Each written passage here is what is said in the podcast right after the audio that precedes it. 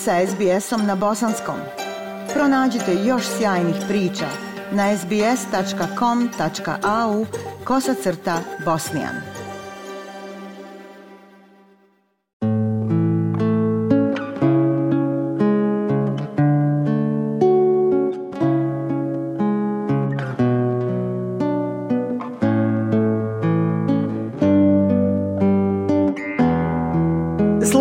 SBS program na bosanskom jeziku. Ja sam Aisha Hadži Ahmetović. Želeći da obilježimo 40. godišnjicu zimskih olimpijskih igara u Sarajevu, koje su se održavale od 8. do 19. februara te davne 1984. godine i da se na trenutak vratimo u ta lijepa vremena entuzijazma, uzbudljivih očekivanja, zajedništva i bezbrižnosti, razgovaramo danas sa gospodinom Miroslavom Šipekom, bivšim sportistom, sportskim stručnjakom i trenerom streljaštva iza kojeg je nevjerovatno bogata i uspješna karijera. Miroslav Šipek je 30 puta bio prvak Jugoslavije u nizu disciplina, osvajao medalje na međunarodnim takmičenjima i prvenstvima, osvojio srebrne medalje na europskim prvenstvima i bronzu na svjetskom prvenstvu u Americi. Bio je trener streljaštva jugoslovenskih, bosanskohercegovačkih, a onda australijskih reprezentacija na olimpijskim igrama mnogo puta. Ipak o svemu tome reći će nam više naš uvaženi sagovornik. Gospodine Šipek, dobrodošli u SBS program na Bosanskom. Jako se radujem vašem gostovanju. Drago mi je da budem vaš gost i pozdravljam sve vaše slušalce. Poštovani slušalci, moram vam reći da se javljam iz prekrasnog doma familije Šipek Miroslava i Mirsade i vidjela sam nevjerovatnu sobu trofeja koja svjedoči o više nego bogatoj sportskoj karijeri i uspjesima gospodina Miroslava. Ovolikim brojem medalja, pehara, odlikovanja mogao bi se pohvaliti neki muzej, zar ne gospodine Šipek? U kolekciji imam preko ja imam preko 300 nastupa za bivšu reprezentaciju Jugoslavije na raznim međunarodnim takmičenjima, olimpijadama, svjetskim prvenstvima, europskim prvenstvima. Imam u kolekciji, ja mislim, preko 300 medalja. O medaljama ćemo govoriti kasnije, ali vratimo se mi na one vaše početke. Vi ste bili samo u bivšoj Jugoslaviji 30 puta najznačajniji sportista u streljaštvu, ali u kojim još disciplinama? Ja jesam 30 puta bio prvak Jugoslavije u streljaštvu u raznim disciplinama, jer u streljaštvu ima više, disciplina i od 68. Pra, praktično kada sam počeo da nastupam za reprezentaciju Jugoslavije, nastupali smo na brojnim prvenstvima svijeta, Europe, olimpijadama i ukupno imam, ja mislim, preko 300 medalja. Počeo sam 68. 85. sam se prestao aktivno baviti sportom kao takmičar i onda sam bio selektor i trener reprezentacije Jugoslavije četiri godine i onda poslije 92. kad se ovo desilo što se desilo, sa dolaskom u Australiju sam onda se uključio i ovdje su me angažovali da radim za reprezentacijom Australije.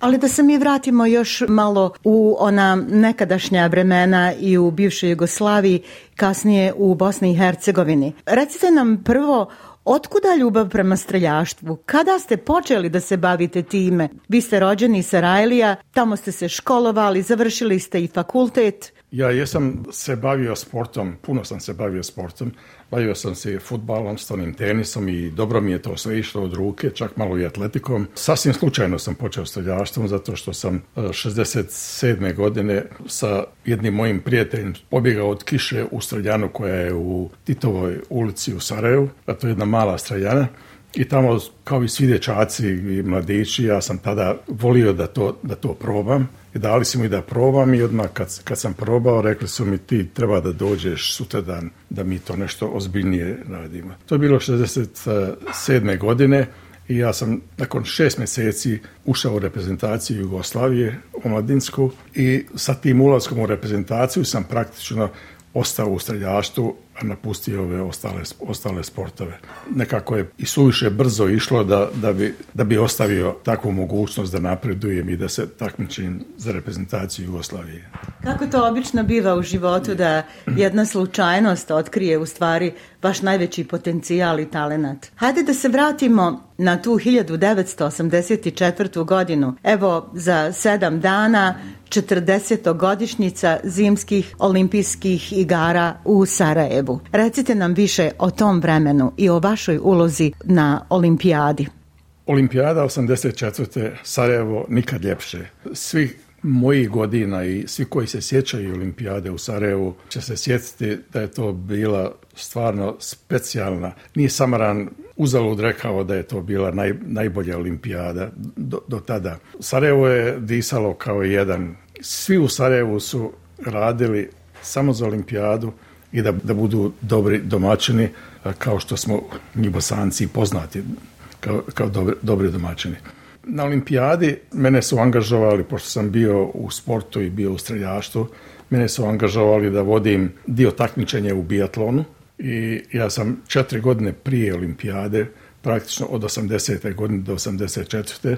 Mi smo se pripremali, ja sam obilazio svjetska prvenstva u biatlonu širom svijeta, evropska prvenstva, jer smo morali naučiti, jer u Sarajevu nismo imali toliko kadra da bi mogli organizovati olimpijske igre. Tako da sam na olimpijadi aktivno učestvovao, ja sam vodio stelište, ja sam bio šef stelišta, jer u biatlonu, kao što znamo, ima trčanje i ima na stelištu gađanje i sve, ukupno se to sabire i na kraju dolazi do, dolazi do pobjednika.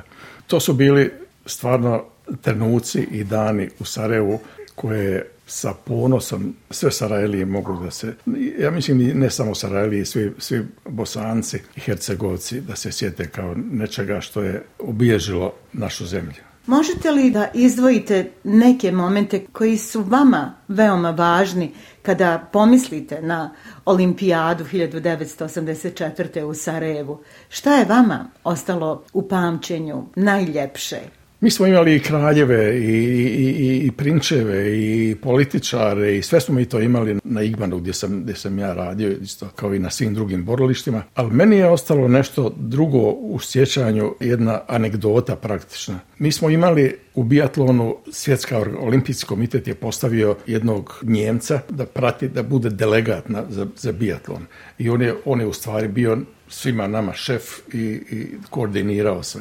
Njemac kao Njemac on je došao u Sarajevo i mi smo zajedno se pripremali četiri godine. Međutim, kad je došla eh, olimpijada, mi sjednemo u autobus u Sarajevu i krenemo na Igman. Dođemo na Igman i autobus stane pred jednim hotelom i onda su borilišta ispod tog hotela. Izađemo iz autobusa, moj Miller, taj Njemac, on ide dole, a mi svi iz autobusa idemo u hotel. To je bilo par puta i on se okrene i onda kaže, pa dobro, gdje vi idete, u hotel kad su borilišta dole. Kafa prvo, pa onda, mi smo, već tada je to bilo ustajeno, nema problema, mi ćemo prvo popiti kafu, pa ćemo onda dole se ići. I sve ćeš imati. A on, Njemac kod Njemac, stvarno nije mogao to nikako da, da, da, da, shvati, ali kad je sve počelo, bio je izuzetno zadovoljan. Kad je vidio da to funkcioniše, jel? To je funkcionisano, jel? Našim ljudima uvijek prvo trebalo da malo sjednu, popiju kafu, pa onda sve ostale poslove. Zimska olimpijada u Sarajevu je bila prilika i da svijet ne samo vidi prvi put Bosnu i Hercegovinu i Sarajevo, nego i da mnogo nauči od Bosanaca i Hercegovaca u to vrijeme. Pa i to kako se može obaveza odložiti jednom kafom koja će možda biti mnogo djelotvornija i uspješnija. Upravo, upravo tako, upravo tako. Krilotica nema problema je poznata od olimpijskih igara kao kljotica koju mi upotrebljavamo u Sarajevu, ali stvarno nije nikad bilo problema zato što smo mi takvi ljudi. Imamo neke, neke svoje navike koje ne želimo da promijenimo, ali kad dođe do ozbiljno, kad dođe do, do, do rada, onda, onda znamo kako treba uraditi. A ako iko zna da radi u vašem domenu, to ste Miroslave svakako vi. Reći ću i našim slušaocima da ste vi jedan od osnivača Olimpijskog komiteta Bosne i Hercegovine 1992. godine. Recite nam nešto o komitetu i o vašoj ulozi u tome. 1992. godina je olimpijska godina i olimpijada je bila u Barceloni krajem jula. Kad je počelo sve što je počelo u Sarajevu, kad smo bili zatvoreni i blokirani, mi smo ipak, mi iz sporta smo smatrali da je najvažnije da se Bosna i Hercegovina pojavi na olimpijskim igrama. Pošto nije bilo olimpijskog komiteta, nas nekolicina je odlučila da, da to napravimo, da oforimo komitet i bila je jedna sjednica Saveza organizacija fizičke kulture gdje su bili predstavnici svih sportova, gdje smo mi formirali naš prvi izvršni komitet i počeli raditi na priznavanju Bosansko-Hercegovačkog olimpijskog komiteta, što nije ni malo bilo lako. Koji sve u Izudin, Filipović, on je bio imenovan za generalnog sekretara i ja sam mu bio prvi saradnik. I praktično smo nas dvojica iz kancelarije e, radili e, pod granatama. Naš ofis je bio u Daniela Ozme gdje je bio stari radio i mi smo bili na komunikaciji sa Olimpijskom komitetom i, i Samaranom na, na, na, priznavanju. U izvršnom komitetu je bilo, pored e, sportista, poznati sportista u, u Sarajevu, Stjepan Kljujić je bio kao predsjednik, bio je Uglješa Uzelac kao potpredsjednik, Onda su bili Ahmed Karabegović, e, Nožica, miza Delivašić, Mehmet Sokolović, Ante Raos, Mirsad Fazlagić, Katica Šporer, Čedo Gojković i, i ja. Mi smo tražili priznavanje i mi smo dobili nakon nekog vremena od Samarana dozvolu da nastupimo na olimpijskim igrama, ali da nastupimo pod bijelom zastavom, ne pod bosansko zastavom.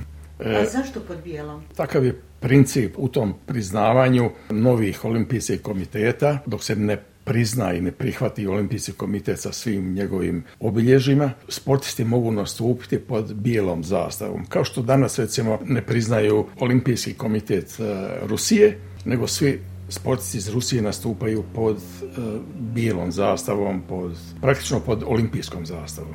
Mi to nismo prihvatili i mi smo, mi smo u stvari vrlo oštro odgovorili ranu jednim faksom, jer tada nije bilo e-mailova, mi smo sve faksom. I nismo znali da li, da li ćemo uopšte nastupiti na olimpijadi do par dana prije same olimpijade. Mi smo dobili od Samarana zeleno svjetlo da nastupimo pod bosansko-hercegovačkom zastavom koji su mi jedino htjeli tako da nastupimo. to je bila ona zastava sa Ljiljanima? Sa Ljiljanima. To je bilo negdje možda desetak dana prije početka olimpijade. Naravno, mi smo u međuvremenu sportiste e, pripremali, a olimpijski komitet Samaran je onda poslao avion u Sarajevo i mi smo došli u stvari dan prije otvaranja na olimpijadu u Barcelonu.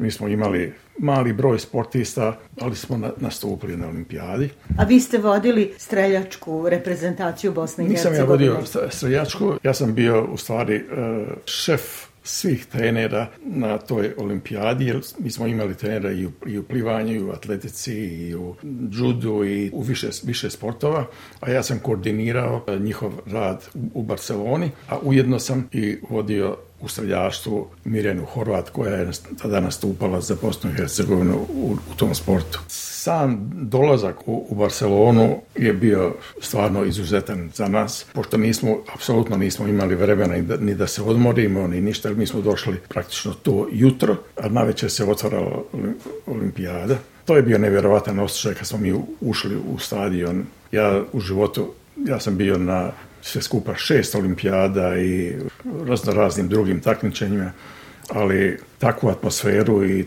takav aplauz kakav smo mi tada dobili, to je nešto što mi je stvarno ostalo urezano za, za sva vremena za jedan takav poduhvat iz ratom zapaljene Bosne da stignete u Barcelonu na olimpijadu nije mogla biti bolja nagrada, jel? Nije mogla biti bolja nagrada i to je u stvari bila nagrada za sve ono što smo, jer dosta smo se mi namučili dok smo, dok smo to sve napravili, ali je to bila nagrada za sve i naravno da nam nije nimalo žao, mi smo bili oduševljeni. Inače su nas eh, Španci izuzetno dobro primili i svačali, tako da smo imali više susreta tamo gdje smo, gdje smo mi predstavili našu Bosnu i Hercegovinu svim e, drugim i medijima i na njihovim televizijama i bilo je to izuzetno. Rekli ste eto da ste bili na šest olimpijada i na četiri paraolimpijske igre. Vodili ste reprezentaciju Australije. Dakle, vaša sportska karijera nije prekinuta dolaskom u Australiju, naprotiv, ona se nastavila i to veoma, veoma uspješno. Recite nam nešto i o vašoj karijeri ovdje u Australiji i o olimpijadama koje ste kao predstavnik Australije posjećivali. Mi smo radili i živjeli u Njemačkoj, ja sam radio i u, i Njemačkom prije, što sam došli u Australiju. I 1995. godine kad smo došli u Australiju, ja sam imao preporuku svjetske federacije u streljaštvu da me ovdje da, ću doći u Australiju. I meni su ponudili, prvo sam jezik učio godinu dana i onda su mi ponudili da radim u Kamberi na institutu za sport jer tada streljaštvo još uvijek nije imalo nikada profesionalca prije mene. Ja sam prvi profesionalac u Australiji koji je počeo raditi u streljačkom sportu. 97. sam počeo raditi. Eto, ja sam vodio australsku reprezentaciju u streljaštvu. Ja sam bio head coach i vodio sam Sydney u Atinu, u Bežin, Kinu i u London, a na paralimpijadama sam vodio paralimpijski tim na opet Atinu, Kinu, London i Rio de Janeiro. To je zadnji gdje sam, sam bio. Ja sam praktično radio 20, više od 20, 22 godine sam radio i vodio australsku reprezentaciju na olimpijade. Na najvažnija sportska takmičenja. Svjetska prvenstva, od igre, svjetske kupove i tako dalje. Ja sam bio jedan prvi profesionalac, međutim s vremenom je to sad preraslo naravno kao i svi sportovi u cijeli tim koji radi. U tom periodu, znači u mojih 22 godine, moji takmičari koje sam ja vodio su osvojili ukupno 118, čini mi se, medalja na olimpijadama, svjetskim prvenstvima i svjetskim kupovima. Samo smo to računali, nismo računali druga, druga ona međunarodna manja takmičenja. Tako je ovdje u Australiji, u Australiji u sportu sve ćeš dobiti, i sve će ti pružiti samo dok ima medalja. Kad nema medalja, taj, taj, taj sport onda ima problema. Za naše slušalce moram napomenuti, gospodine Šipek, da ste vi, bez obzira na vašu plodonosnu i uspješnu karijeru ovdje u Australiji, da niste zaboravili olimpijadu u Sarajevu i da ste organizovali zajedno sa vašom suprugom 20-godišnicu i 30-godišnicu obilježavanja zimskih olimpijskih igara u Sarajevu, ovdje u Melbourneu.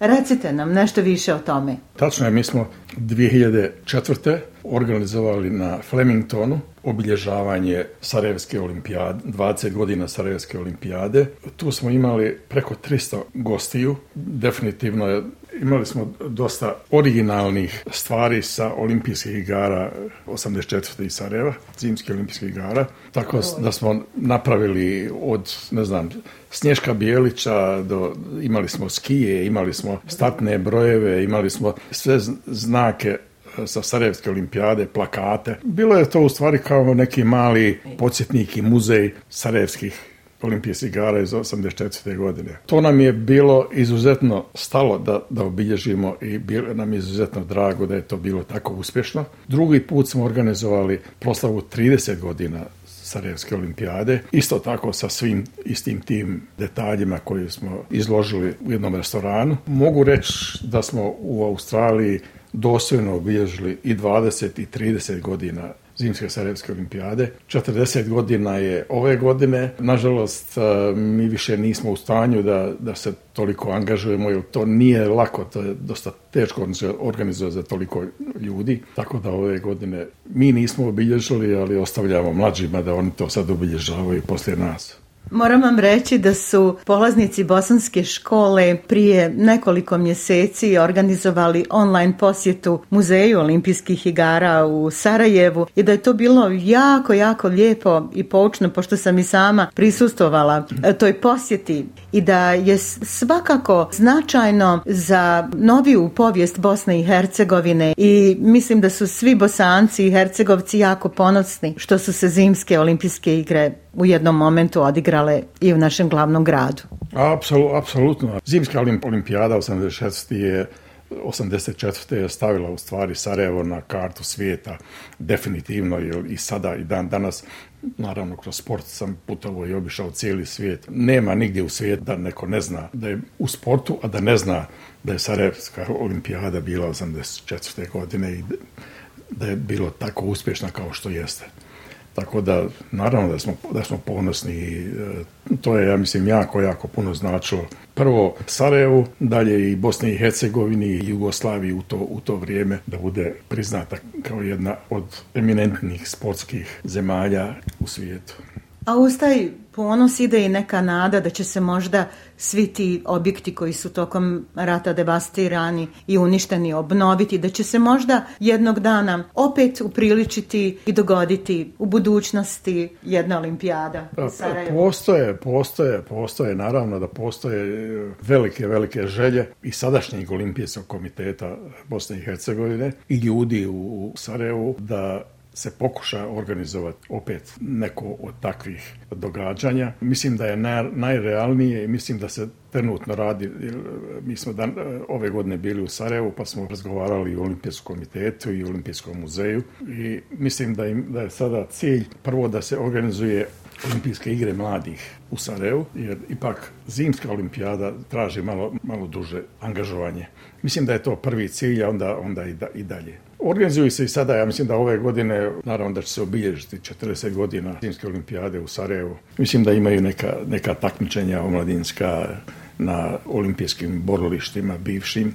Svi želimo da se obnove sva borilišta. Na početku ovog našeg razgovora ja sam rekla slušaocima da sam u vašoj trofejnoj sobi svjedočila brojnim medaljama, zahvalnicama, trofejima, mm. nagradama. Recite nam nešto o najvažnijima. Svakako da svaka ima svoje mjesto, ali ono što je najveće za vas, ja eh, nikada nisam mogao izdvojiti nešto kao najvrijednije zato što razne medalje imaju svoju specifičnu vrijednost. Imaju svoju specifičnu vrijednost, ali e, meni i neke male medalje e, sa nekih mojih prvih takmičenja su isto tako drage kao i ne znam olimpijske medalje i, i, i, i svjetska prvenstva. Ima ih dosta. Hajde da izdvojimo barem one, da kažemo, ipak najveće. Najveće su ipak e, medalje sa svjetskih prvenstava i sa europskih prvenstava. To su moje lična. Ovo sada kako sam, ili ipak sam radio i praktično 30 godina kao trener. Imam jako puno medalja uh, i sa olimpijskih igara i sa svjetskih prvenstava sa sportistima sa kojima sam radio. Da, a u onom predratnom dobu vidjela sam u vašoj sobi posebno priznanje koje je došlo od bivšeg predsjednika Jugoslavije, Josipa Broza Tita. Jeste, ja sam dobio odlikovanje Orden rada sa srebrnim zracima, što mislim da je najveće civilno odlikovanje bilo u to, u to vrijeme od Tita. Naravno da mi je to jedno od najdržih priznanja. Imam ja priznanja, sam bio sport, eh, najbolji sportista Bosne i Hercegovine, bio sam više puta najbolji sportista Sarajeva. Sve su to meni drage uspomene. Jer sada hoćete vi nešto kažete. Slobodno. Pa ne bih ništa, nego ja onako možda se više sjećam svega. Ja sam kroz sport, mi smo se u srejaštvu inače i sreli. Nismo se sreli ni u disko klubu, ni u, na plesu, ni na korzu koje je tada bilo popularno, nego smo se sreli eto na strelištu. I tako krenuli prijateljevata, kasnije se i zabavljali dugo i došli u brak i tako i ja nekih malih uspjeha imam, malo u sportu sam radila i na olimpijadi sam isto bila sudac u kaznenom krugu, na streljaštvu, na bijatlonu. Htjela bi nešto napomenuti, Miroslav to malo previše ima toga, zaboravlja, ja to tako uredno slažem i radim, njega obradujem i kad smo došli u Australiju sam to preko prijatelja uspjela dove sve isječke iz novina od 66. godine pa do danas pa australske uspjehe, pa medalje, e, da on to ništa ne zna i onda sam to sredila, pošto on tada radio u Kamberi na institutu za sport i napravila mu jednu vitrinu i kad je on došao, ja sam ga tada prvi put da plače od sreće. Nije znao da će to sve tu biti. Između ostalog, on je zašao iz sporta Jugoslavije, on je čak e, mogao prisustvovati svim takmičenjima u cijeloj Jugoslaviji tada da ne mora imati nikakvu, ima iskaznicu, da ne mora ništa pristupati svim događajima što je to benefit, dobio je nekog i radnog staža na, na osnovu toga i tako, tako da i to na neki način bilo vrednovanje, usput spomenuo je orden predsjednika Tita. One sportske, njih je bilo jako puno različitog sjaja, neke i bez možda koje nisu sjaj dobile ni zlata, ni srebra, ni bronze, ostale su u srcu, kako što Miroslav reče, koje su mu značile u tim momentima puno. Bio, bio je juniorski, olimpijski, svjetski rekorder preko 20 godina. Uglavnom, sport, život mu je bio kroz sport, mi smo ga podržavali i uključivali smo i našu porodicu. U ove proslave ovdje, naš sin je radio DVD, ima i sad e, proslava raznih ovdje. Radili su oni na, naša snaha Larisa, Čerka Mirela Zetadi. Svi smo radili da uveličamo tu proslavu 20. i 30. godišnjice olimpijade. Proveli su noći i noći radeći i na poklon drugima e, razne CD, puno stvari tako da je to, da smo porodično to radili sad nam je žao što ne možemo 40 godina je malo prenaporno za nas malo su godine pristigle, malo tako zdravlje i tako. Ali evo neka ovo bude na neki način obilježavanje ovog velikog jubileja 40 godina od zimskih olimpijskih igara. A nije sada ni čudo kada slušamo Mirsadu, Miroslave, da ste i tako uspješni jer takvu zaleđinu imati tako glasnogovornika mhm. sigurno da je puno, puno značilo vama. Bez uh, Mirsadine podrška inače u, u, u životu naravno da ne bi ništa od ovoga moglo da se ostvari. Šta je najvažnije u sportu za sportistu i, i, i ljude koji se bave ozbiljno sportom da imaju podršku u familiji. Kad imate podršku supruge, to vam je najvažnije. Apsolutno se slažem da je taj lični mir i harmonije koju imate u sebi preduslov da biste ostvarili rezultate na bilo polju, naravno i u sportskom pogotovo. Kada sažmete sve ovo što je zaista nevjerovatno mnogo u vašem životu, šta biste vi gospodine Šipek, poručili bosancima i hercegovcima, ne samo u Australiji, nego gdje god da se nalaze i u prvoj domovini i širom svijeta, Kakva bi bila vaša poruka? Samo da prate svoje snove i da nikad ne, odustaju. Ja stvarno mislim i kroz život sam na, naučio da se stvarno sve može, može postići ako čovjek želi, ako hoće i ako radi na tome. Ima puno talentovanih ljudi, mladih ljudi, to treba iskoristiti samo uz veliki rad naravno da, da, da bi se postiglo nešto. Mogu li ja nešto Naravno, naravno. Miroslav je ovaj, čitav život u sportu i njemu je uglavnom fokus sport, da se razumijemo što je dobro i ne bi možda ni uspio. Ne može čovjek biti previše široke lepeze zanimanja, onda ne može sve postići kako hoće, odnosno tako u, vrhunske kvalitete otići. Ja bih samo poručila svim našim, to je njegovo mišljenje, ja znam kako on misli, da ne zaborave nekad svoju domovinu Bosnu i Hercegovinu. E, naša omladina se iskazala i ovdje i mlađi ljudi koji su došli i svugdje u svijetu u raznim sferama.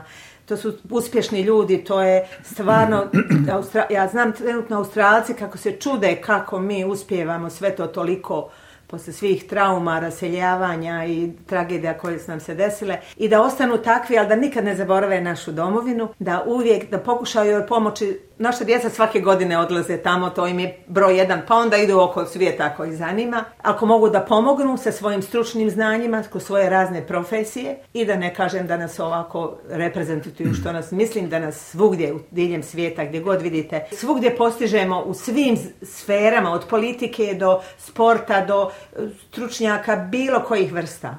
Tako da i da mladi jednostavno budu istrajeni, da budu ambiciozni u, svemu god, u čemu god su nadarani, talentovani, ali da se nikad ne zaborave našu domovinu, da se uvijek vrate, ako ništa o lijepim sjećanjima.